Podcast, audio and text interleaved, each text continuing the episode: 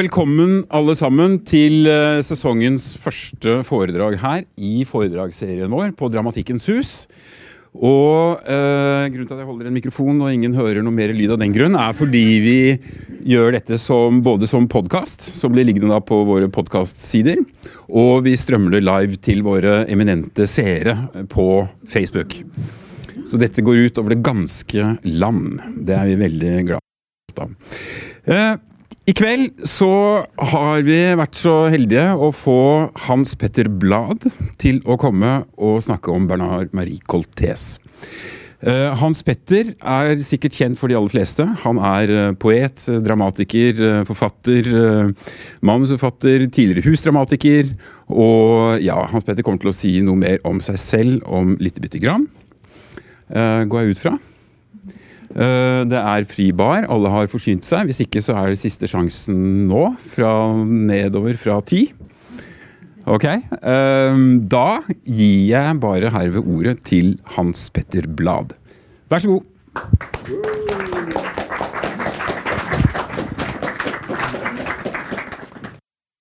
Rett ved siden av meg setter en araber seg ned og begynner stille å synge noe på arabisk. Jeg sier til meg selv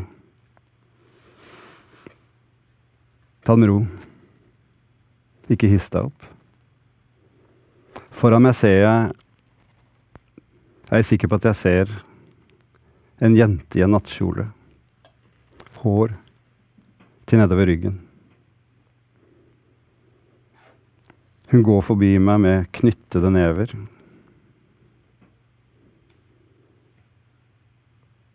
I hennes nattkjole. Rett foran meg revner ansiktet hennes. Hun begynner å gråte. Hun fortsetter å gå til enden av perrongen. Håret i en floke. Knyttnever som dette i nattkjolen. Plutselig holder jeg ikke ut lenger. Jeg har fått nok av alt sammen. Jeg mister herredømmet over meg selv. Jeg har fått nok av alt. Alt sammen. Alle i deres eget helvete, i deres eget lille hjørne. Av trynet deres. Jeg har fått nok av dere alle.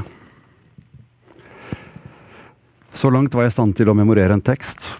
Og grunnen til at jeg forsøkte å gjøre det, var ut fra den i og for seg ganske banale, men på mange måter effektive ideen om å teste ut hva skjer når en skrivende går inn i en tekst fra den innsiden det å skulle være skuespiller utgjør.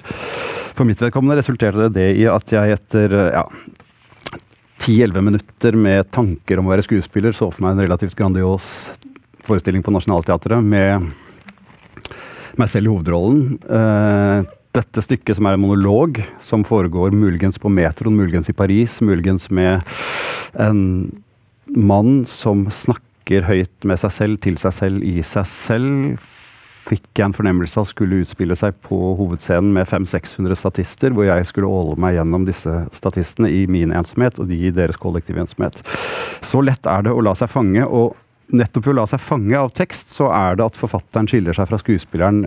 Jeg mistet jo totalt kontroll over teksten. Jeg var ikke til stede i teksten lenger. Jeg forsvant i det å tenke hva kan denne teksten bli.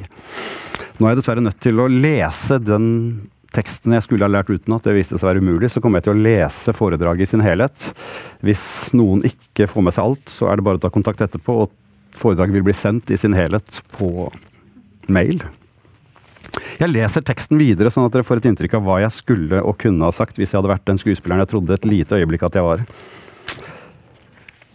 Jeg syns det var vakkert i og for seg også å slutte det jeg hadde memorert med å si 'jeg har fått nok av dere alle'. Men slik fortsetter det. Og jeg ville bare knuse alt. Damen der oppe i trappen som lener seg mot rekkverket. Jeg har lyst til å smelle til henne. Araberen som sitter og synger for seg selv. Jeg vil smelle til han.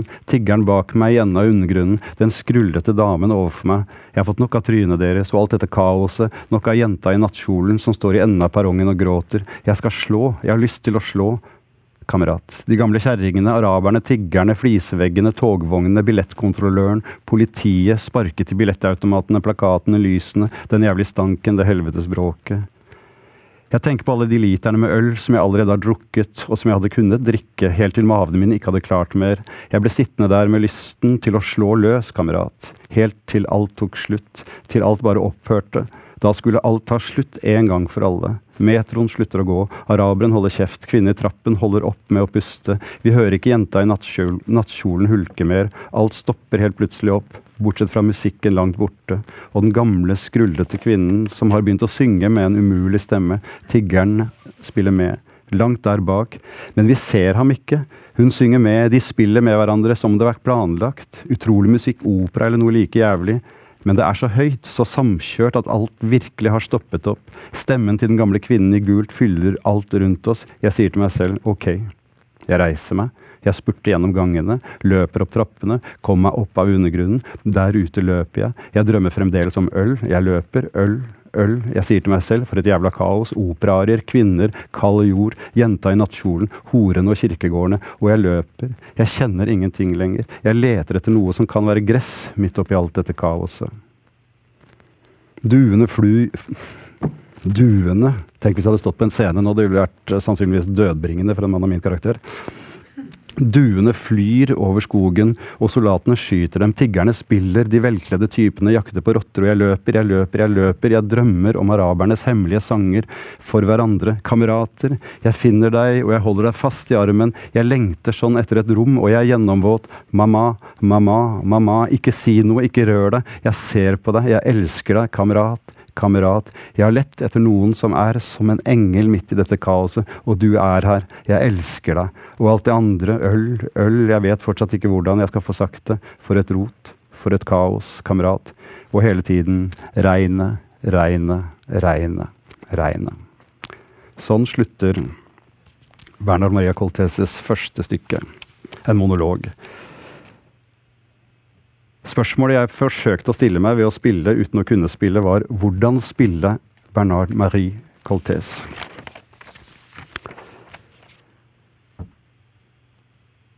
Jeg kikket på utrolig mange versjoner av denne spesielle teksten på YouTube, og alle spilte med en intensitet som var helt sjokkerende. Det var ikke en eneste skuespiller som gjorde annet enn å insistere på nærvær, sitt nærvær i teksten på en måte som føltes skremmende for en forfatter. Og Det var de følelsene jeg hadde lyst til å utforske, og jeg merket umiddelbart at jeg var nesten ikke i stand til det. Det er hentet fra monologen 'La nuit juste avant de la forêt', eller 'Natten rett før skogene', som den heter på norsk. Den er fra, det er fra 1977. Det er oversatt av Christina Mediaas i samarbeid med regissør Victoria Meirik. Det er selve slutten på stykket.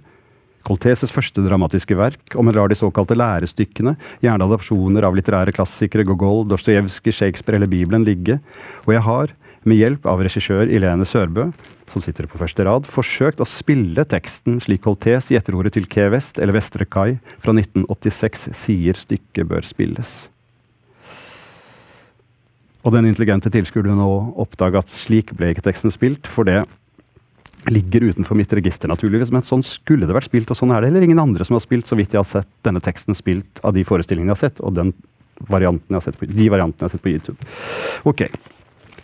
Teksten må alltid sies slik et barn lirer av seg en hjemmelekse når det er pisstrengt. Det leser kjapt og støtter seg først på det ene beinet, så på det andre beinet, og når det er ferdig, springer det av gårde for å gjøre det det har hatt i tankene hele tiden, nemlig å gå på toalettet. Et barn muntert holdt igjen av ytre betingelser, presset inn i et hjørne. Et barn som før eller siden med tvingende nødvendighet, oppskjørtet og desperat, må gå i dialog med verden og framsi omstendighetene rundt sine høyst midlertidige lidelser. Sitt framtidige toalettbesøk. Kroppslige behov som undertrykkes, som av omstendigheter tvinges til å bli undertrykt. Kjenner en etter, hvilket jeg forsøkte å gjøre.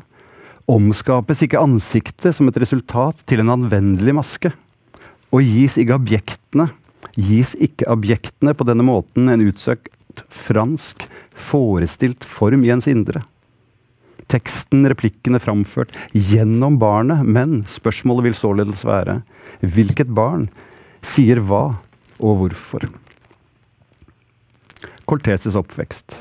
Bernard Marie Coltés er født 9.4.1949, selvfølgelig. Han vokste opp i industribyen Metz, øst i Frankrike. Hans far, en yrkesmilitær, var først stasjonert i Indokina, deretter flere år i Algerie, under den stadig mer voldelige frigjøringskrigen, eller borgerkrigen, eller folkemordet i Algerie, som krigen også kalles. Bernard Marie, tilhørende middelklassen, gikk på skole i en del av Metz, der brorparten av elevene var barn av fattige migranter, arabere, selvfølgelig flestparten. Hver dag krysset han byen. Etter hvert som krigen vokste i omfang, og så pågikk i Frankrike, demonstrantene drept og kastet i scenen, bombene på metroen osv., osv., ble enkelte deler av Metz, småbyen øst, nordøst i Frankrike, helt presist hva de fattige immigrantenes bydel angår, karakterisert som en såkalt no go area. Og nettopp i denne delen av byen var det Coltés gikk på skolen. Det var en katolsk skole. Moren var dypt troende. Hvorfor ble no go areas opprettet? Parentes. Jeg benytter den engelske betegnelsen, det vil snart kobles på et annet av Coltés selv megetsigende uttrykk, der han alltid brukte den engelske originalformen. Derfor engelsk også for no go areas vedkommende. En lang og komplisert historie, et episk drama verdig, hvordan fallskjermsoldatene som nylig hadde vendt hjem fra Algerie og midlertidig var stasjonert i Metz, på kveldstid og nattestid gikk inn i den arabiske bydelen for å yppe til strid med immigrantene som bodde der.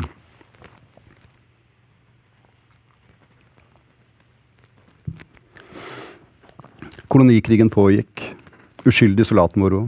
En natt ble 17 arabere drept under slåsskamper på barer og ute på gaten. Av den grunn ble no go-sonene i en realitet i realiteten en slags getto og et bortforbud innført. Bare kom inn, bare kom inn. Uh, med tanke på hva en selv har blitt påvirket av, er det naturligvis slik at denne atmosfæren av borgerkrig, latent vold, farens fravær i Algerie, morens strenge tro, reisen gjennom byen, reisen til barn som brorparten snakket arabisk, hos Bernard Marie Coltés var minner, og derved også litteratur, i sin tidligste form monologen. Dere hørte altså nettopp slutten på 'Natten rett før skogene'.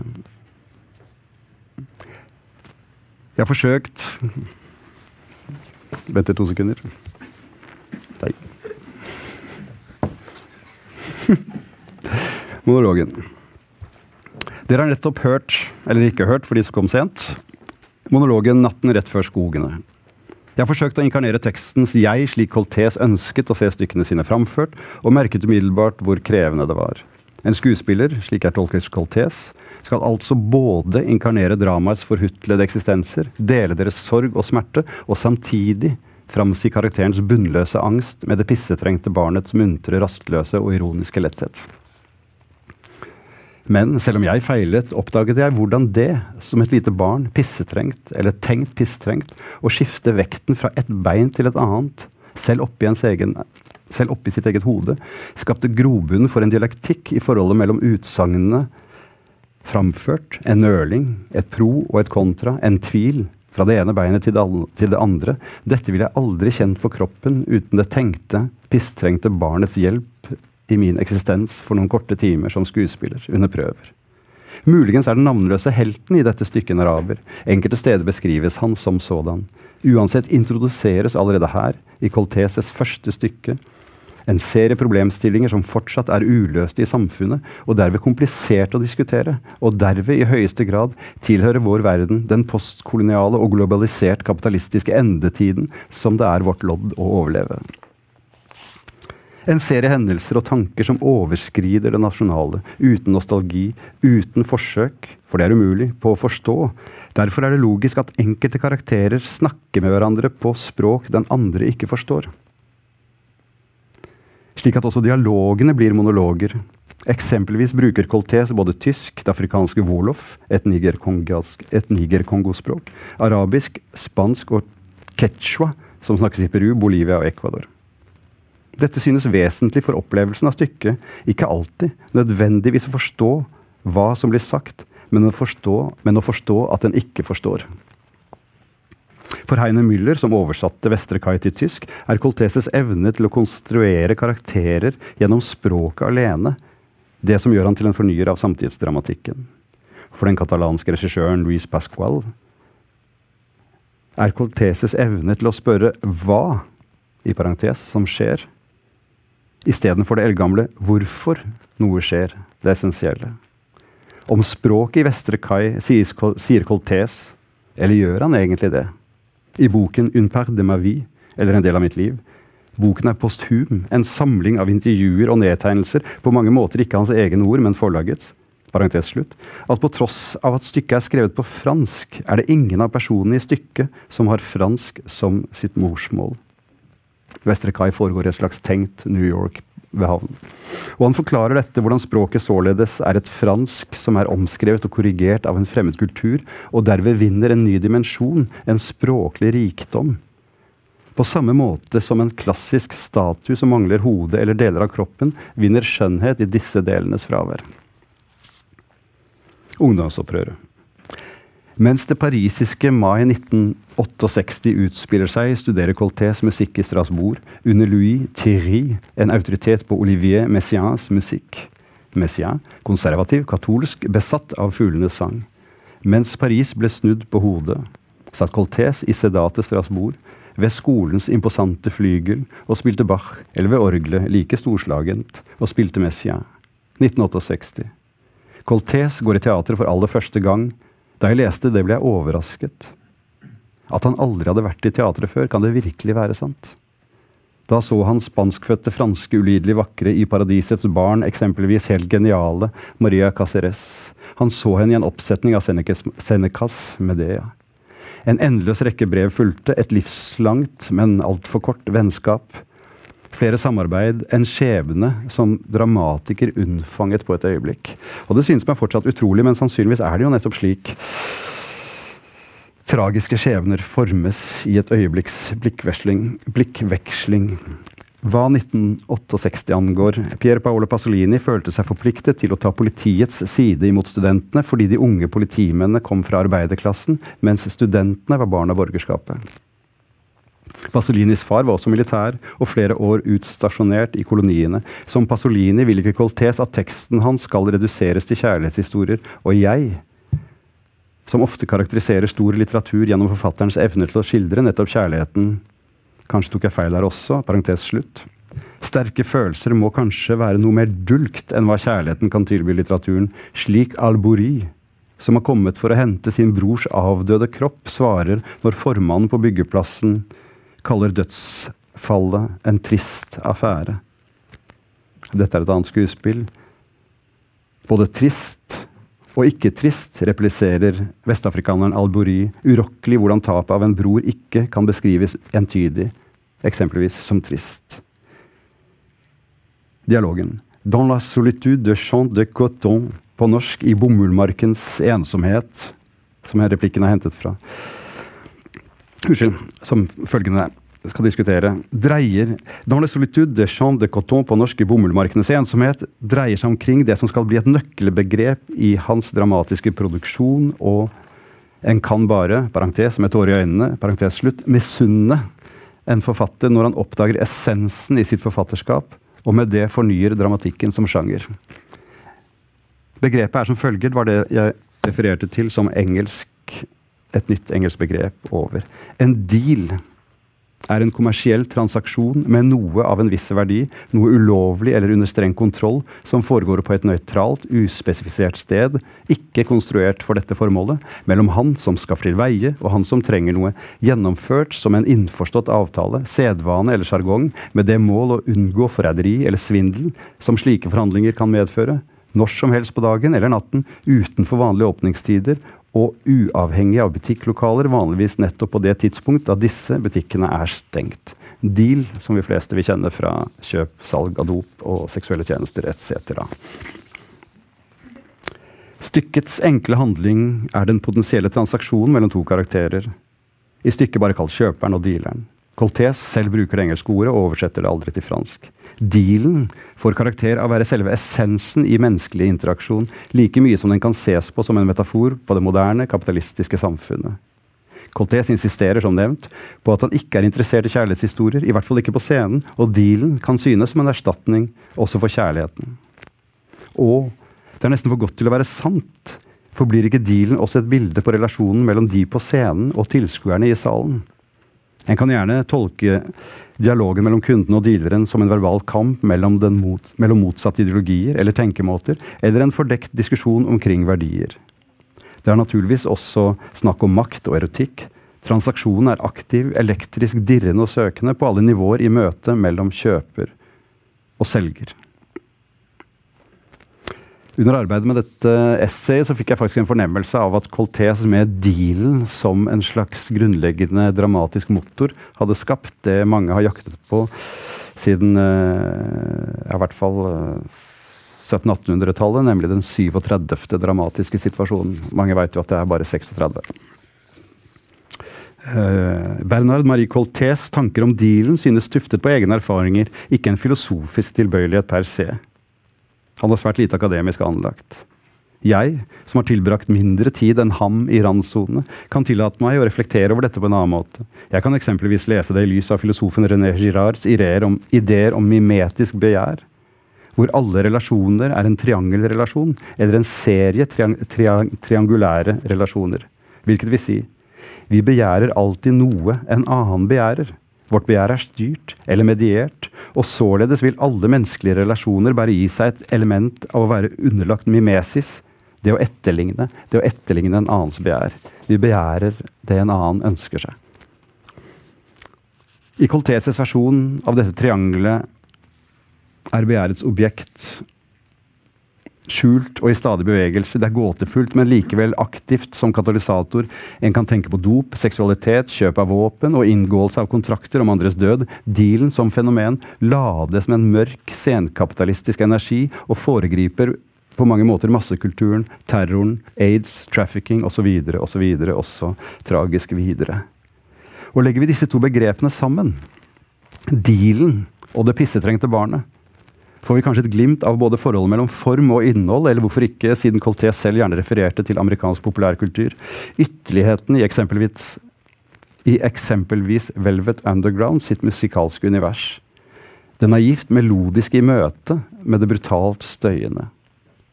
Ønsket om en forening med omgivelsene i møte med behovet for ytterliggående ensomhet. Velvet Underground, eller for den del Alle driver med sitt, alt er monologer for å oppnå en mest mulig sofistikert dialog. Joy Division. De dyrket ensomheten i fellesskapet. Parentes. Det smerta meg å snakke om populærkultur på denne opphøyde måten. Parentes slutt. Andre band søker en form for sameksistens når de spiller eller en kollektiv kontakt med publikum. Velvet Underground og Joy Division det kan fungere som bilder på Colteses karakter og liv på scenen, altså tekstene hans. Og alt dette sier jeg under tvil, av den enkle grunn at det også er med viss sorg jeg registrerer at Coltes er en forfatter som med ledighet framstår som hjemme i populærkulturen. Det gjør ham ung, nesten levende, og det gjør meg tilsvarende gammel. 70-tallet, 80-tallet fra stykket Roberto Zucco en replikk. Jeg er morderen til faren min, moren min, en politimann og et barn. Jeg er en drapsmann. Bernard Marie Coltés var av utseende en vennlig mann. Han gjorde ett forsøk på å skrive en roman. Det var i 1975. Han var i midten av 20-årene. Det var før han ble dramatiker.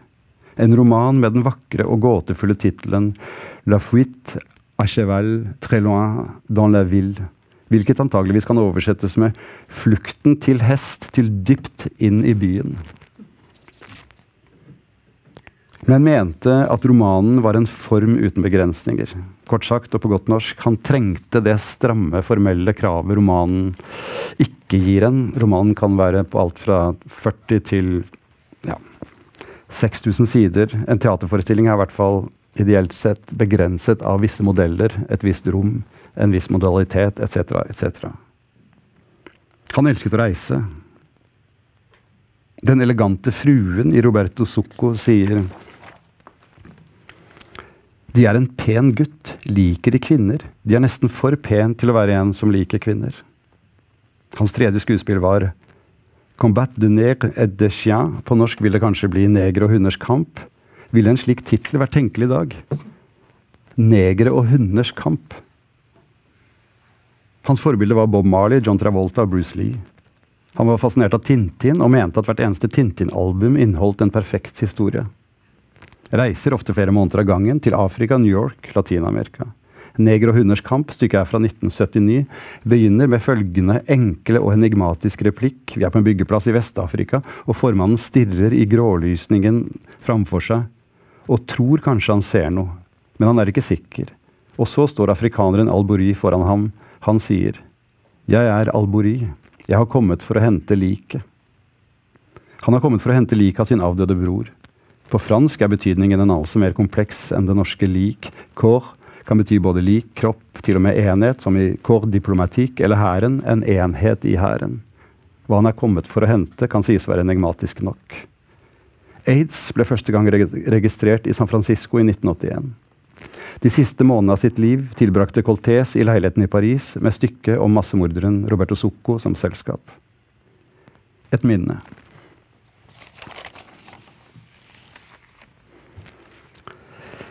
Et minne som kunne ha vært hans. En eneste gang på en fest i en stor villa i utkanten av Paris på 90-tallet fikk jeg et glimt av den verden Coltés, allerede død, hadde sitt sceniske utspring i. Blant dansende og røykende, selvpromoterende unge kunstnere, film- og teatermennesker befant Patrice Chéreau og Luc Bondi seg med hvert sitt hoff av unge beundrere. Dette var regissører som hadde satt opp, med hell spesielt hva Chéreau angikk, Coltés og Coltéses stykker. Stjerneregissørene utilnærmelige skip i natten i taus og gjensidig beundring og misunnelse, med sine venner og elskere, muntert opp og ned den brede trappen til toaletten og soverommene i andre etasje, stadig mer animerte. Jeg tenkte dette, parentes, dealer, transaksjoner, dulgte forbindelser, er punktet der livet og ikke-livet møtes, teateret og verden. Min portugisiske venninne fra den gang var med meg i et øyeblikk av dyp tvil og undring, et øyeblikk på vei mot den ventende drosjen, den lange oppkjørselen til huset, duften av marihuana hang over hagen, uvirkelige skyer. De dansende kunne skimtes inne i stuens stillhet, fra utsiden, fra hagen, sett gjennom kolonialt store vinduer, Dyrasses franske isett, sett Kina gjenoppvekket. Vårt sorti skulle ta en evighet, da en ung, mannlig skuespiller hun hadde pratet litt med, sittende i trappen, de delte flere sigaretter, kom gående. Hva han holdt i hånden, hun rykket skremt tilbake, en kort og animert og gebrokken dialog fulgte. Hun tok et natt, et natt, en nattverdsoblat, eller en modernitetens hostie, motvillig imot lappen med telefonnummeret. Og i høflighetens forvirring ga hun sitt eget nummer tilbake, kjøper og selger slik at han dagen etter kunne ringe henne og forandre hennes livskurs for alltid. Monologene dem imellom, de erotiske forpostfestningene. Jeg anstrengte meg både for å høre og ikke høre. Var, nå i ettertid, det forsto jeg naturligvis ikke da, en perfekt illustrasjon av dealen hos Bernard Marie Coltés. Kjønn, rase, seksualitet.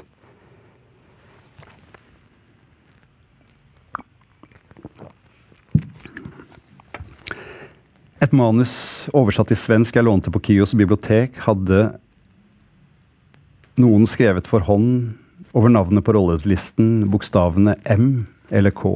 Altså, må vi anta, en markering av om det gjaldt navn eller beskrivelser som tilhørte en mann eller en kvinne. En regissør har antageligvis vært opptatt av rollefordelingen i forkant av eller planleggingen av en oppsetning, og vært frekt nok til å notere ned med blyant disse tilsynelatende uskyldige bokstavene M eller K. Hans eget navns dobbelthet, det maskuline Bernard, det feminine Marie, et utpreget katolsk navn. Da jeg skrev diktsamlingen Clair obscur, åpenbart inspirert av Coltés, var det første gang jeg skrev uten å tenke verken på alder, rase, kjønn eller religion. Til jeget eller de forskjellige personene i stykket. Når utgangspunktet, som det er her, er et pissstrengt barn som skifter vekten fra det ene benet til det andre, har jeg kommet til den konklusjonen at eksempelvis dealeren og kunden gjerne kan spilles av kvinner som, som det spilles av menn. Eller sagt på en annen måte kvinner som spiller menn. For hadde f.eks. Sandrine Bonnaire, som spiller i Agnes Vardas Vagabond, gestaltert den navnløse stemmen i Natten rett før skogene, eller dealeren for den del, ville spørsmålet om kjønn blitt torpedert av skuespillerens fullkomne identifikasjon med sin egen undergang, selve oppløsningen av det menneskelige. Hva som oppløses, er således, således uvesentlig. Coltés selv sier i etterordet til Vesterkai Jeg har lagt merke til at selv om det synes opplagt for alle at en mannsrolle skal spilles av en mann, et gammelt menneske av et gammelt menneske, en ung kvinne av en ung kvinne, så kan en svart mann spilles av hvem som helst. Og fortsetter, og dette er nok et hva. Det er ingen grunn til hvorfor han skal være mørkhudet i dette stykket. Nettopp derfor skal han være mørkhudet. Det er litt komplisert, men han insisterer på det ulogiske i valg av svart som svart som grunn til at han som spiller mørkhudet, skal være mørkhudet. Dette kommer jeg tilbake til. På første side i 'Tilbake til ørkenen' fra 1988 foregår følgende dialog på arabisk. En dialog som i min danske versjon av stykket er oversatt, og antageligvis spilt på dansk som om det var på arabisk. Hvordan de har fått til det, kan jeg bare forestille meg. Mens den i originaloppsetningen, slik jeg har forstått det, ble spilt på arabisk. Det som sies, er følgende. Aziz, en møkkadag. Mathilde. Hvorfor det? Aziz. Hvis søsteren er et like stort rasshøl som hennes bror, kan litt av hvert skje. Mathilde. Søsteren er ikke et like stort rasshøl som broren. Aziz. Hvordan vet du det? Mathilde. Fordi jeg er søsteren. Med andre ord, dette høyst vesentlige ønsker Coltés å skjule, da for alle dem blant publikum som ikke snakker arabisk. Skal vi, når vi setter det opp her, eksempelvis i Norge, avsløre hva som sies, eller skal vi si det på arabisk? Med andre ord Strike that. Ifølge en fransk venninne ikke ønsket ikke Coltés at broren Francois Coltés eller noen i familien skulle sitte på rettighetene til stykkene hans. Men han rakk ikke å ordne dette praktiske før han døde. Om det er sant eller ikke, vet ikke. Sant er det i hvert fall at broren har stanset en rekke oppsetninger, bl.a. på Comédie Française, det franske nasjonalteatret i 2006, med den begrunnelse at rollen som Assis i Tilbake til ørkenen der skulle tolkes av en fransk, ikke-arabisk skuespiller. Mens den samme Francois Coltés derimot tillatt et tysk teater å bruke en tysker i hovedrollen som afrikaneren i, negers, i Negres kamp med hunder. Der ble til overmål tyskeren sminket til rollen som afrikaner. Det kan også nevnes i parentes at de som sitter på rettighetene til Beckets mens vi venter på Godot, nektet en oppsetning med bare kvinner å bli satt opp. Fotnote nummer én. Den ene fotnoten jeg tillater meg i dette foredraget. Det er jo nesten narkomant å skrive fotnoter. Kanskje en del av en deal. Om dette, dealen mellom teatret og forvalteren av en dramatikers verk, har Idalu Larsen skrevet utførlig om. Interesserte kan fordype seg i problematikken der, på hennes hjemmeside, under tittelen 'Bernard Marie Coltés-saken'. Anbefalt lesning for den teaterinteresserte. Uh, slik begynner Vestre kai. Stykket Vestre kai, som foregår muligens et sted i New York. Uh, en tidlig morgen med mye snø for to år siden kom Charles hjem med ferja. Han ble varslet av arbeiderne, som han møtte hver morgen, og som reiste motsatt vei for å arbeide i havnen, om at det fantes noe unormalt og urovekkende ved ytterveggen borte ved landet. Han gikk bort dit og så en slags høy, mørk, urørlig haug, halvveis dekket med snø, som vagt minnet om et dødt eller sovende villsvin. Han nærmet seg, og når han sto på to skritts avstand, reiste haugen seg plutselig, ble, svært, ble svær, tjukk, ristet og skalv, øynene lyste, og på hodet satt en kalott av snø. Den sa noe ubegripelige ord, sannsynligvis var det engelsk eller arabisk. Charles fikk bare med seg de siste lydene, så ubegripelig at de fikk ham til å le, og han brukte lydene til å navngi skapningen. Så tok han det i armen, for han var i et svært godt humør, dro det med inn i hangaren, eller lageret, og viste den fremmede et hjørne der han var i beskyttelse for snøen ute. Han la noen pappesker der, for at det skulle bli varmt, og etter at han hadde sett at det gravde seg ned, og at en tung damp steg opp fra kroppen, gikk Charles plystrende derfra og vendte hjem. Det er dette, denne haugen, som ideelt sett skal spilles, ifølge Cortés, av en uh, mørkhudet skuespiller. De implikasjonene det har, skal vi komme tilbake til. Men som tekst, hva slags tekst er dette? Er det en scenebeskrivelse? Skal den spilles? Er det for leseren eller regissøren? I etterordet til stykket igjen har jeg tidligere referert til når jeg snakket om spillestil i Vestre Kai. Så sier Coltes at deler av teksten ikke skal spilles, men leses. Og den skal heller ikke etter hans ønske trykkes i programmet. Den skal bare stå der i parenteser og i gåseøyne for leseren. I troen på at lesning også er en aktiv handling hva teaterstykker angår. Tilbake i ørkenen åpner med et motto hentet fra Richard, Rikard 3. Det kan virke kokett og pretensiøst, og det har alltid virket kokett og pretensiøst for meg å ha dedikasjoner, motor, sitater fra kjente kunstnere foran sine bøker eller skuespill, inntil en som leser kommer til det første møtet mellom søskenparet hvis arvestrid i en by, antageligvis Metz, danner kjernen i stykket. Møtet mellom dem, når man har mottoet fra Rikard 3., bare det faktum at Rikard 3. er nevnt i mente, løfter den nesten dagligdagse dialogen dem imellom, som gjentas og gjentas og spisses og spisses til høyder som er shakespearianske. Og ved å ha disse gamle kongene i bakhodet, så forstår man noe man ikke hadde forstått hvis man bare hadde vært frigjort fra mottoet og det pretensiøse. Shakespeares tragedier om kongehuset om enn slottet her er en villa i sentrum av en fransk by, en by som utenfor teatret ville hatt navnet Metz, men som her kun er en provinsby i det østlige Frankrike på 60-tallet. Neste kapittel. Det er blitt en liten roman, dette her. Stedene når portforbudet er opphevet. Igjen må vi se for oss Colté som barn sammen med brødrene. Hva skilte dem fra hverandre allerede da? På bussen, i klasserommet, i den bråkete skolegården, i Metz under borgerkrigen eller kolonikrigen eller frigjøringskrigen, på vei inn i arabernes bydel. De, av prefekturet, de lokale myndighetene, opprettede gettoene der portforbudet hersket Ser en for seg det igjen, hvordan kan man da tolke hans fascinasjon for reiser til de fjerneste strøk, Nicaragua, Senegal, Mali og Elfenbenskysten, på annen måte enn at disse aller første reisene til en annen, men grunnleggende eksotisk del av hjembyen var vakre og byggelige erfaringer? All volden, det umenneskelige, det motsatte av teatret. Det hviler skjønnhet og lede over industriområdene, garnisonene, arabernes bydeler, alle steder vi for oss kan se for oss som natten rett før skogene. Murer ut mot gaten, lagerbygninger, mausoleum, metroen, byggeplassen i Vest-Afrika og motsatt.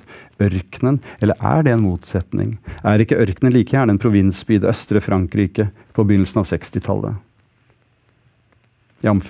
kvinner spiller menn, gamle spiller unge. Bernard Marie Coltés dramatiserer geografien, hvilket er essensielt når temaet for hans dramatikk kan sies å være det postkoloniale. Et postkolonialt hva, ikke et postkolonialt hvorfor. Replikk fra Vestre Kai om stedet. Og nå, da? Hvor? Hvor da? Herregud, det er en vegg her, men man kan ikke komme lenger. Nei, det er ikke engang en vegg, det er ingenting. Det er kanskje en gate eller et hus, eller elven kanskje, eller en øde plass, eller et stort, ekkelt hull. Jeg må selv ha vært der. For noe ved Colteses dramatikk må ha berørt meg dypt. Det muligens parisiske i natten rett før skogene, enkelte scener alene, spesielt i Roberto Zucco, kranglene i Tilbake til ørkenen, hvor godt kjenner meg ikke igjen, eller å tenke tilbake på stykkene jeg så på mitt intellektuelt mest følsomme, parentes, hvis en som intellektuell noen gang har vært følsom, parentes slutt. En barndomsvenn spilte det. Han spilte det som i Vestre Kai lignet et dødt villsvin, altså det tidligere beskrevne hårete haulignende vesenet. Det var på Folksbyen i Øst-Berlin rett før Tysklands samling. Jeg husker min barndomsvenn som et merkelig hårete vesen, ikke ulikt spøkelse i Achitatpong Verasakatakuls vakre spillefilm. Det er helt umulig, det er bare min datter Liv Schwell som kan si den andre riktig. Vakre spillefilm Onkel Boni som kan huske sine tidligere liv. Pelskledd, uformelig truende med røde, elektrisk stikkende øyne synlig i natten. Minnet om dette gjør at jeg griper meg selv i å lure på hvem han i dag ville vært, og hva han i dag ville ha skrevet hvis han hadde levd.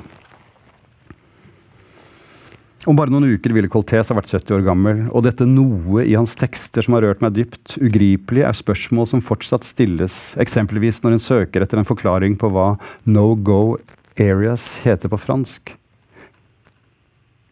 På nett dukker det da opp en endeløs rekke av amerikanske, hovedsakelig amerikanske artikler, artikler om innvandring og soner i Frankrike. Hele områder av storbyene der ikke-muslimer ikke lenger har adgang, og kafeer i forstedene til byer som eksempelvis Metz, er slik at kvinner nektes inntreden og adgang.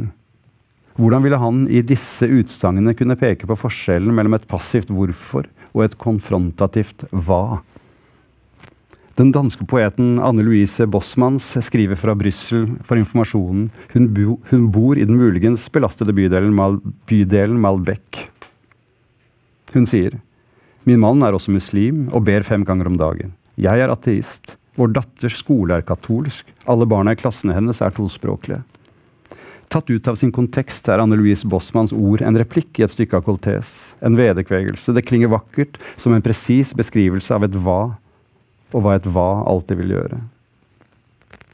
Mine egne litterære no go areas. Hva rykker jeg tilbake for?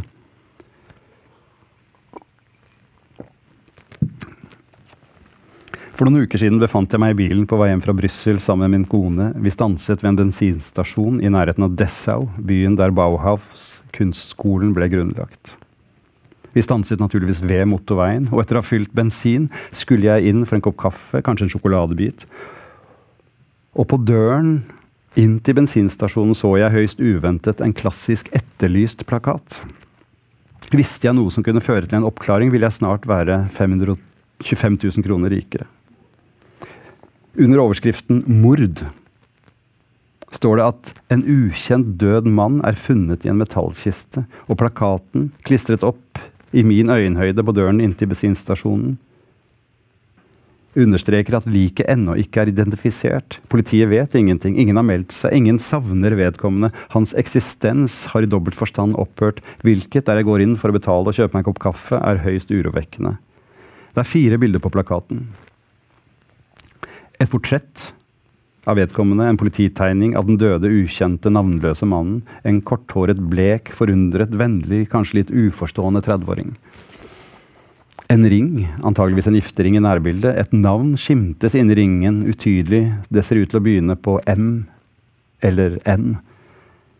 En tatovering på den av fotografen isolerte underarmen der navnet Micaela står skrevet med slyngende skrift. Og til slutt, det største bildet, metallboksen ute på et jorde, brutt opp antageligvis av politiet, nødvendigvis åpnet med makt. Den avlange metallboksen i et skogholt, en kvinne ved navn Micaela, motorveien, bensinstasjonen, det grå tyske været, trailersjåføren som står på parkeringsplassen og røyker, en politimann på en bierstube etter, en, etter hele dagen har spurt folk om de kjente offeret. Om de visste hvem han var, om de visste hvem Micaela var. De som første gang stanset foran boksen, fremmede mennesker, og skjønte eller mistenkte at denne fremmede boksen måtte åpnes. Unge spiller fotball i regnværet, en bonde pløyer, et kasino, et moderne horehus ses ikke langt unna. Veikron ligger på en høyde og er åpen hele døgnet. Politimannen betaler, går hjem, kler av seg mørket i leiligheten uten å se på kjæresten, som for lengst har sovnet. Han åpner forsiktig vinduet. Motorveiens summing i det fjerne. Umulig, dessverre, for meg å skrive. Roberto Zucco og, og spørsmålet om hva teatret er. Coltés skrev sitt siste stykke mens han døde. Han døde i 1989. Peter Stein satte opp stykket Roberto Zucco på Schaubyene i Berlin året etter.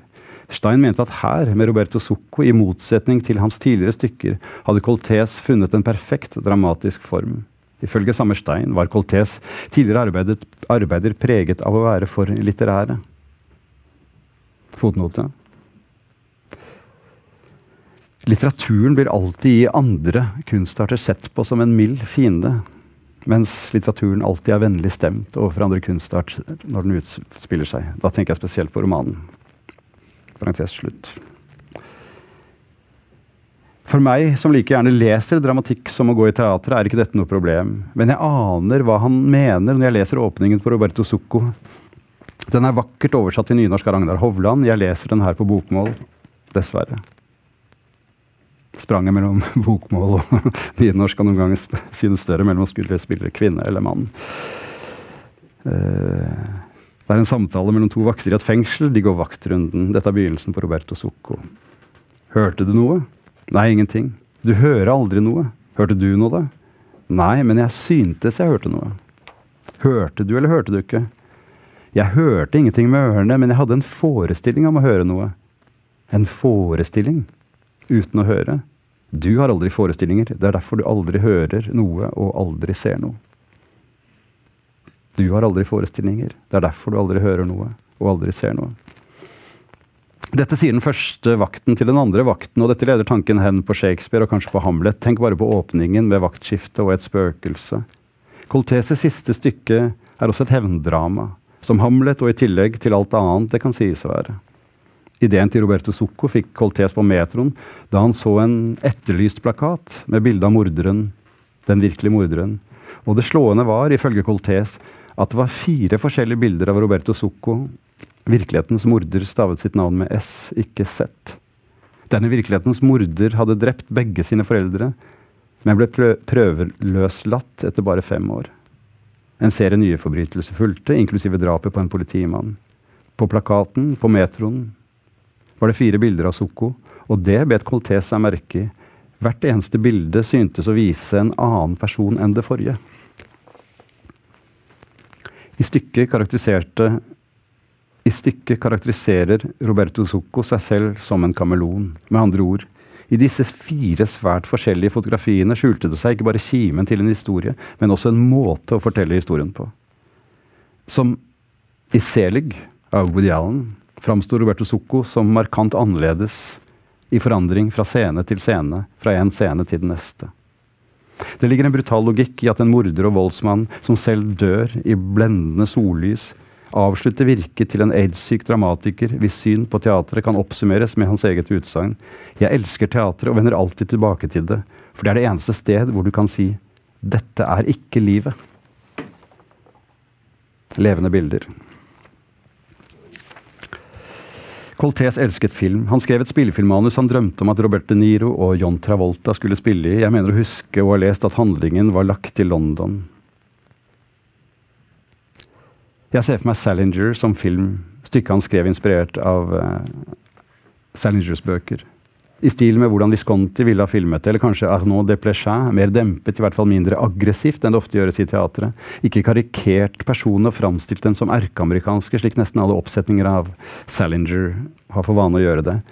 Men heller sett for oss skikkelser som faktisk skåret ut av JD Salingers bøker om familien Glass kledd som moderne versjoner av velbeslåtte amerikanere fra slutten av 50-tallet. Den besnærende Ivy League-stilen, slik Salinger selv gikk kledd før han sluttet å skrive. Dog modifisert kostymen også av den fortvilelsen som river dem fra hverandre for alltid, skikkelsene i stykket Salinger og i den tenkte filmen.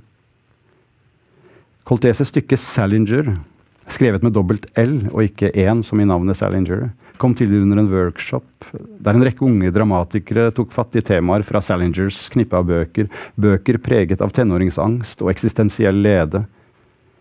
Kunne vi ikke sett dem for oss i Paris, alle disse menneskene, ikke i New York, like gjerne? Amerikanere i Paris, det ligger en voldsom fristelse i dette å tillate seg å dikte videre på Coltés, slik han diktet videre på Salinger. En slik tekst skulle jeg gjerne ha skrevet. Ville ikke det endelig vært mulig å snakke om seg selv på en ærlig måte, gjennom dem, som en slags tredje generasjon av Salinger. Først når jeg skriver dette, forstår jeg at denne teksten har jeg allerede skrevet. Romanen din 'Nysgjerrighet' den kunne antageligvis like gjerne blitt kalt Salinger, med tre l-er som den tredje av tekstene i en tenkt amerikansk-fransk-norsk kongelig arverekkefølge. Jeg har nettopp skrevet en annen tekst kalt 'Paris-kontorene', en kortroman i sin helhet inspirert av det å skrive i Paris, enkelt og greit. Diktsamlingen 'Clair Obscur' er nesten for en hyllest til Coltés regne. Diktet 'Kanskje reiser jeg hjem til Chartres' begynner slik. Navnet hennes var skrevet med blod på veggen. Jeg ble stående, lese det igjen og igjen. Først trodde jeg begge var døde. Så reiste han seg. Og i spillefilmen vi, min familie, mine døtre forhåpentligvis skal lage til høsten, ligger en familievenn, fortsatt så mange år etter, på et sykehus nord i Paris og dør av aids. Alle mine bøker har en språkløs, fattig, forvirret og marginalisert karakter i randsonen av det fortalte, og det er gjerne en person av Maria Cacereses format, som lyser mot fortelleren og det fortalte. Teatret finnes i alle bøkene mine, utvilsomt, ofte på insisterende vis. Flere av personene i bøkene mine fornemmer gjerne at de spiller seg selv, og ikke sjelden føler jeg meg som Roquin, hovedpersonen i Salinger, med to l-er. Som i rollelisten beskriver seg selv på følgende måte. Eller beskrives på følgende måte, er kanskje mer presist. Roquin. Et eller annet sted mellom ung mann, tenåring og et barn. Avhengig av tid og sted.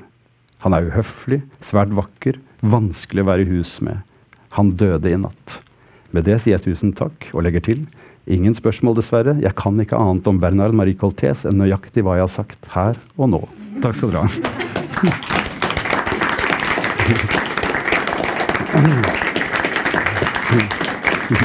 Voilà. Tusen takk. Ja, da sier vi tusen takk til eh, Hans Petter Blad. Og som han selv eh, avslutter med, så er det da ingen spørsmål. Beklager, jeg står rett foran deg. Men hvis ikke, du, eh, hvis ikke han, får jeg si, i løpet av foredraget sitt har eh, endret på siste setning Men det Jeg kan gjerne ja, Eller hva skal jeg si? Ok, jeg kan svare på et uh, Da, hvis jeg kan, jeg kan da, på et ikke, hvis det da Så er lenge spørsmålet er stilt av meg, så kan jeg svare på det. Et Ja. lite tillegg. her, Bare hvis noen har tid. Hvis noen vil si noe, så får dere mikrofon. Ja, selvfølgelig det. Det må, det må sies. ja. Men jeg vil gjerne legge til at det, som det kanskje er underskrevet i dette foredraget Det kan lett bli litt mekanisk når man leser fra et foredrag, så jeg skal bare prøve å avmagnetisere dette båndet litt grann nå ved å si at eh, den sterkeste tiltrekningen hva Coltese angår, er nettopp at han er en postkolonial dramatiker som skriver om verden slik den er i dag, på et tidspunkt da den nesten ikke var den verden det er i dag. Det føles ufattelig moderne. Det føles litt guffent å nærme seg det, for det er tematikker vi ikke liker å bryne oss på, skrevet på måter som er opphøyet, og han rører borti så ufattelig mye som en sjøl gjerne vil i befatningen. Det var det jeg prøvde å si noe om i denne såkalte metallbokssekvensen.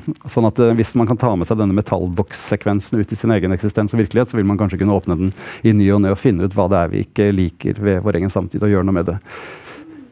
Jeg tror det er avslutning, det. Takk. Mm, takk. Ja, tusen takk. Da vil jeg bare avslutningsvis si at barn er, baren er fortsatt åpen litt til. Og om 14 dager, 27., så kommer eh, Ingunn Bjørnsgaard. Hun skal snakke om Simone de Beauvoir, eh, og har med seg Ida Vigdel, danseren, som kommer til å stå for noen kunstneriske innslag. Så dere er hjertelig velkommen når den tid kommer. 27. februar. Takk for i dag.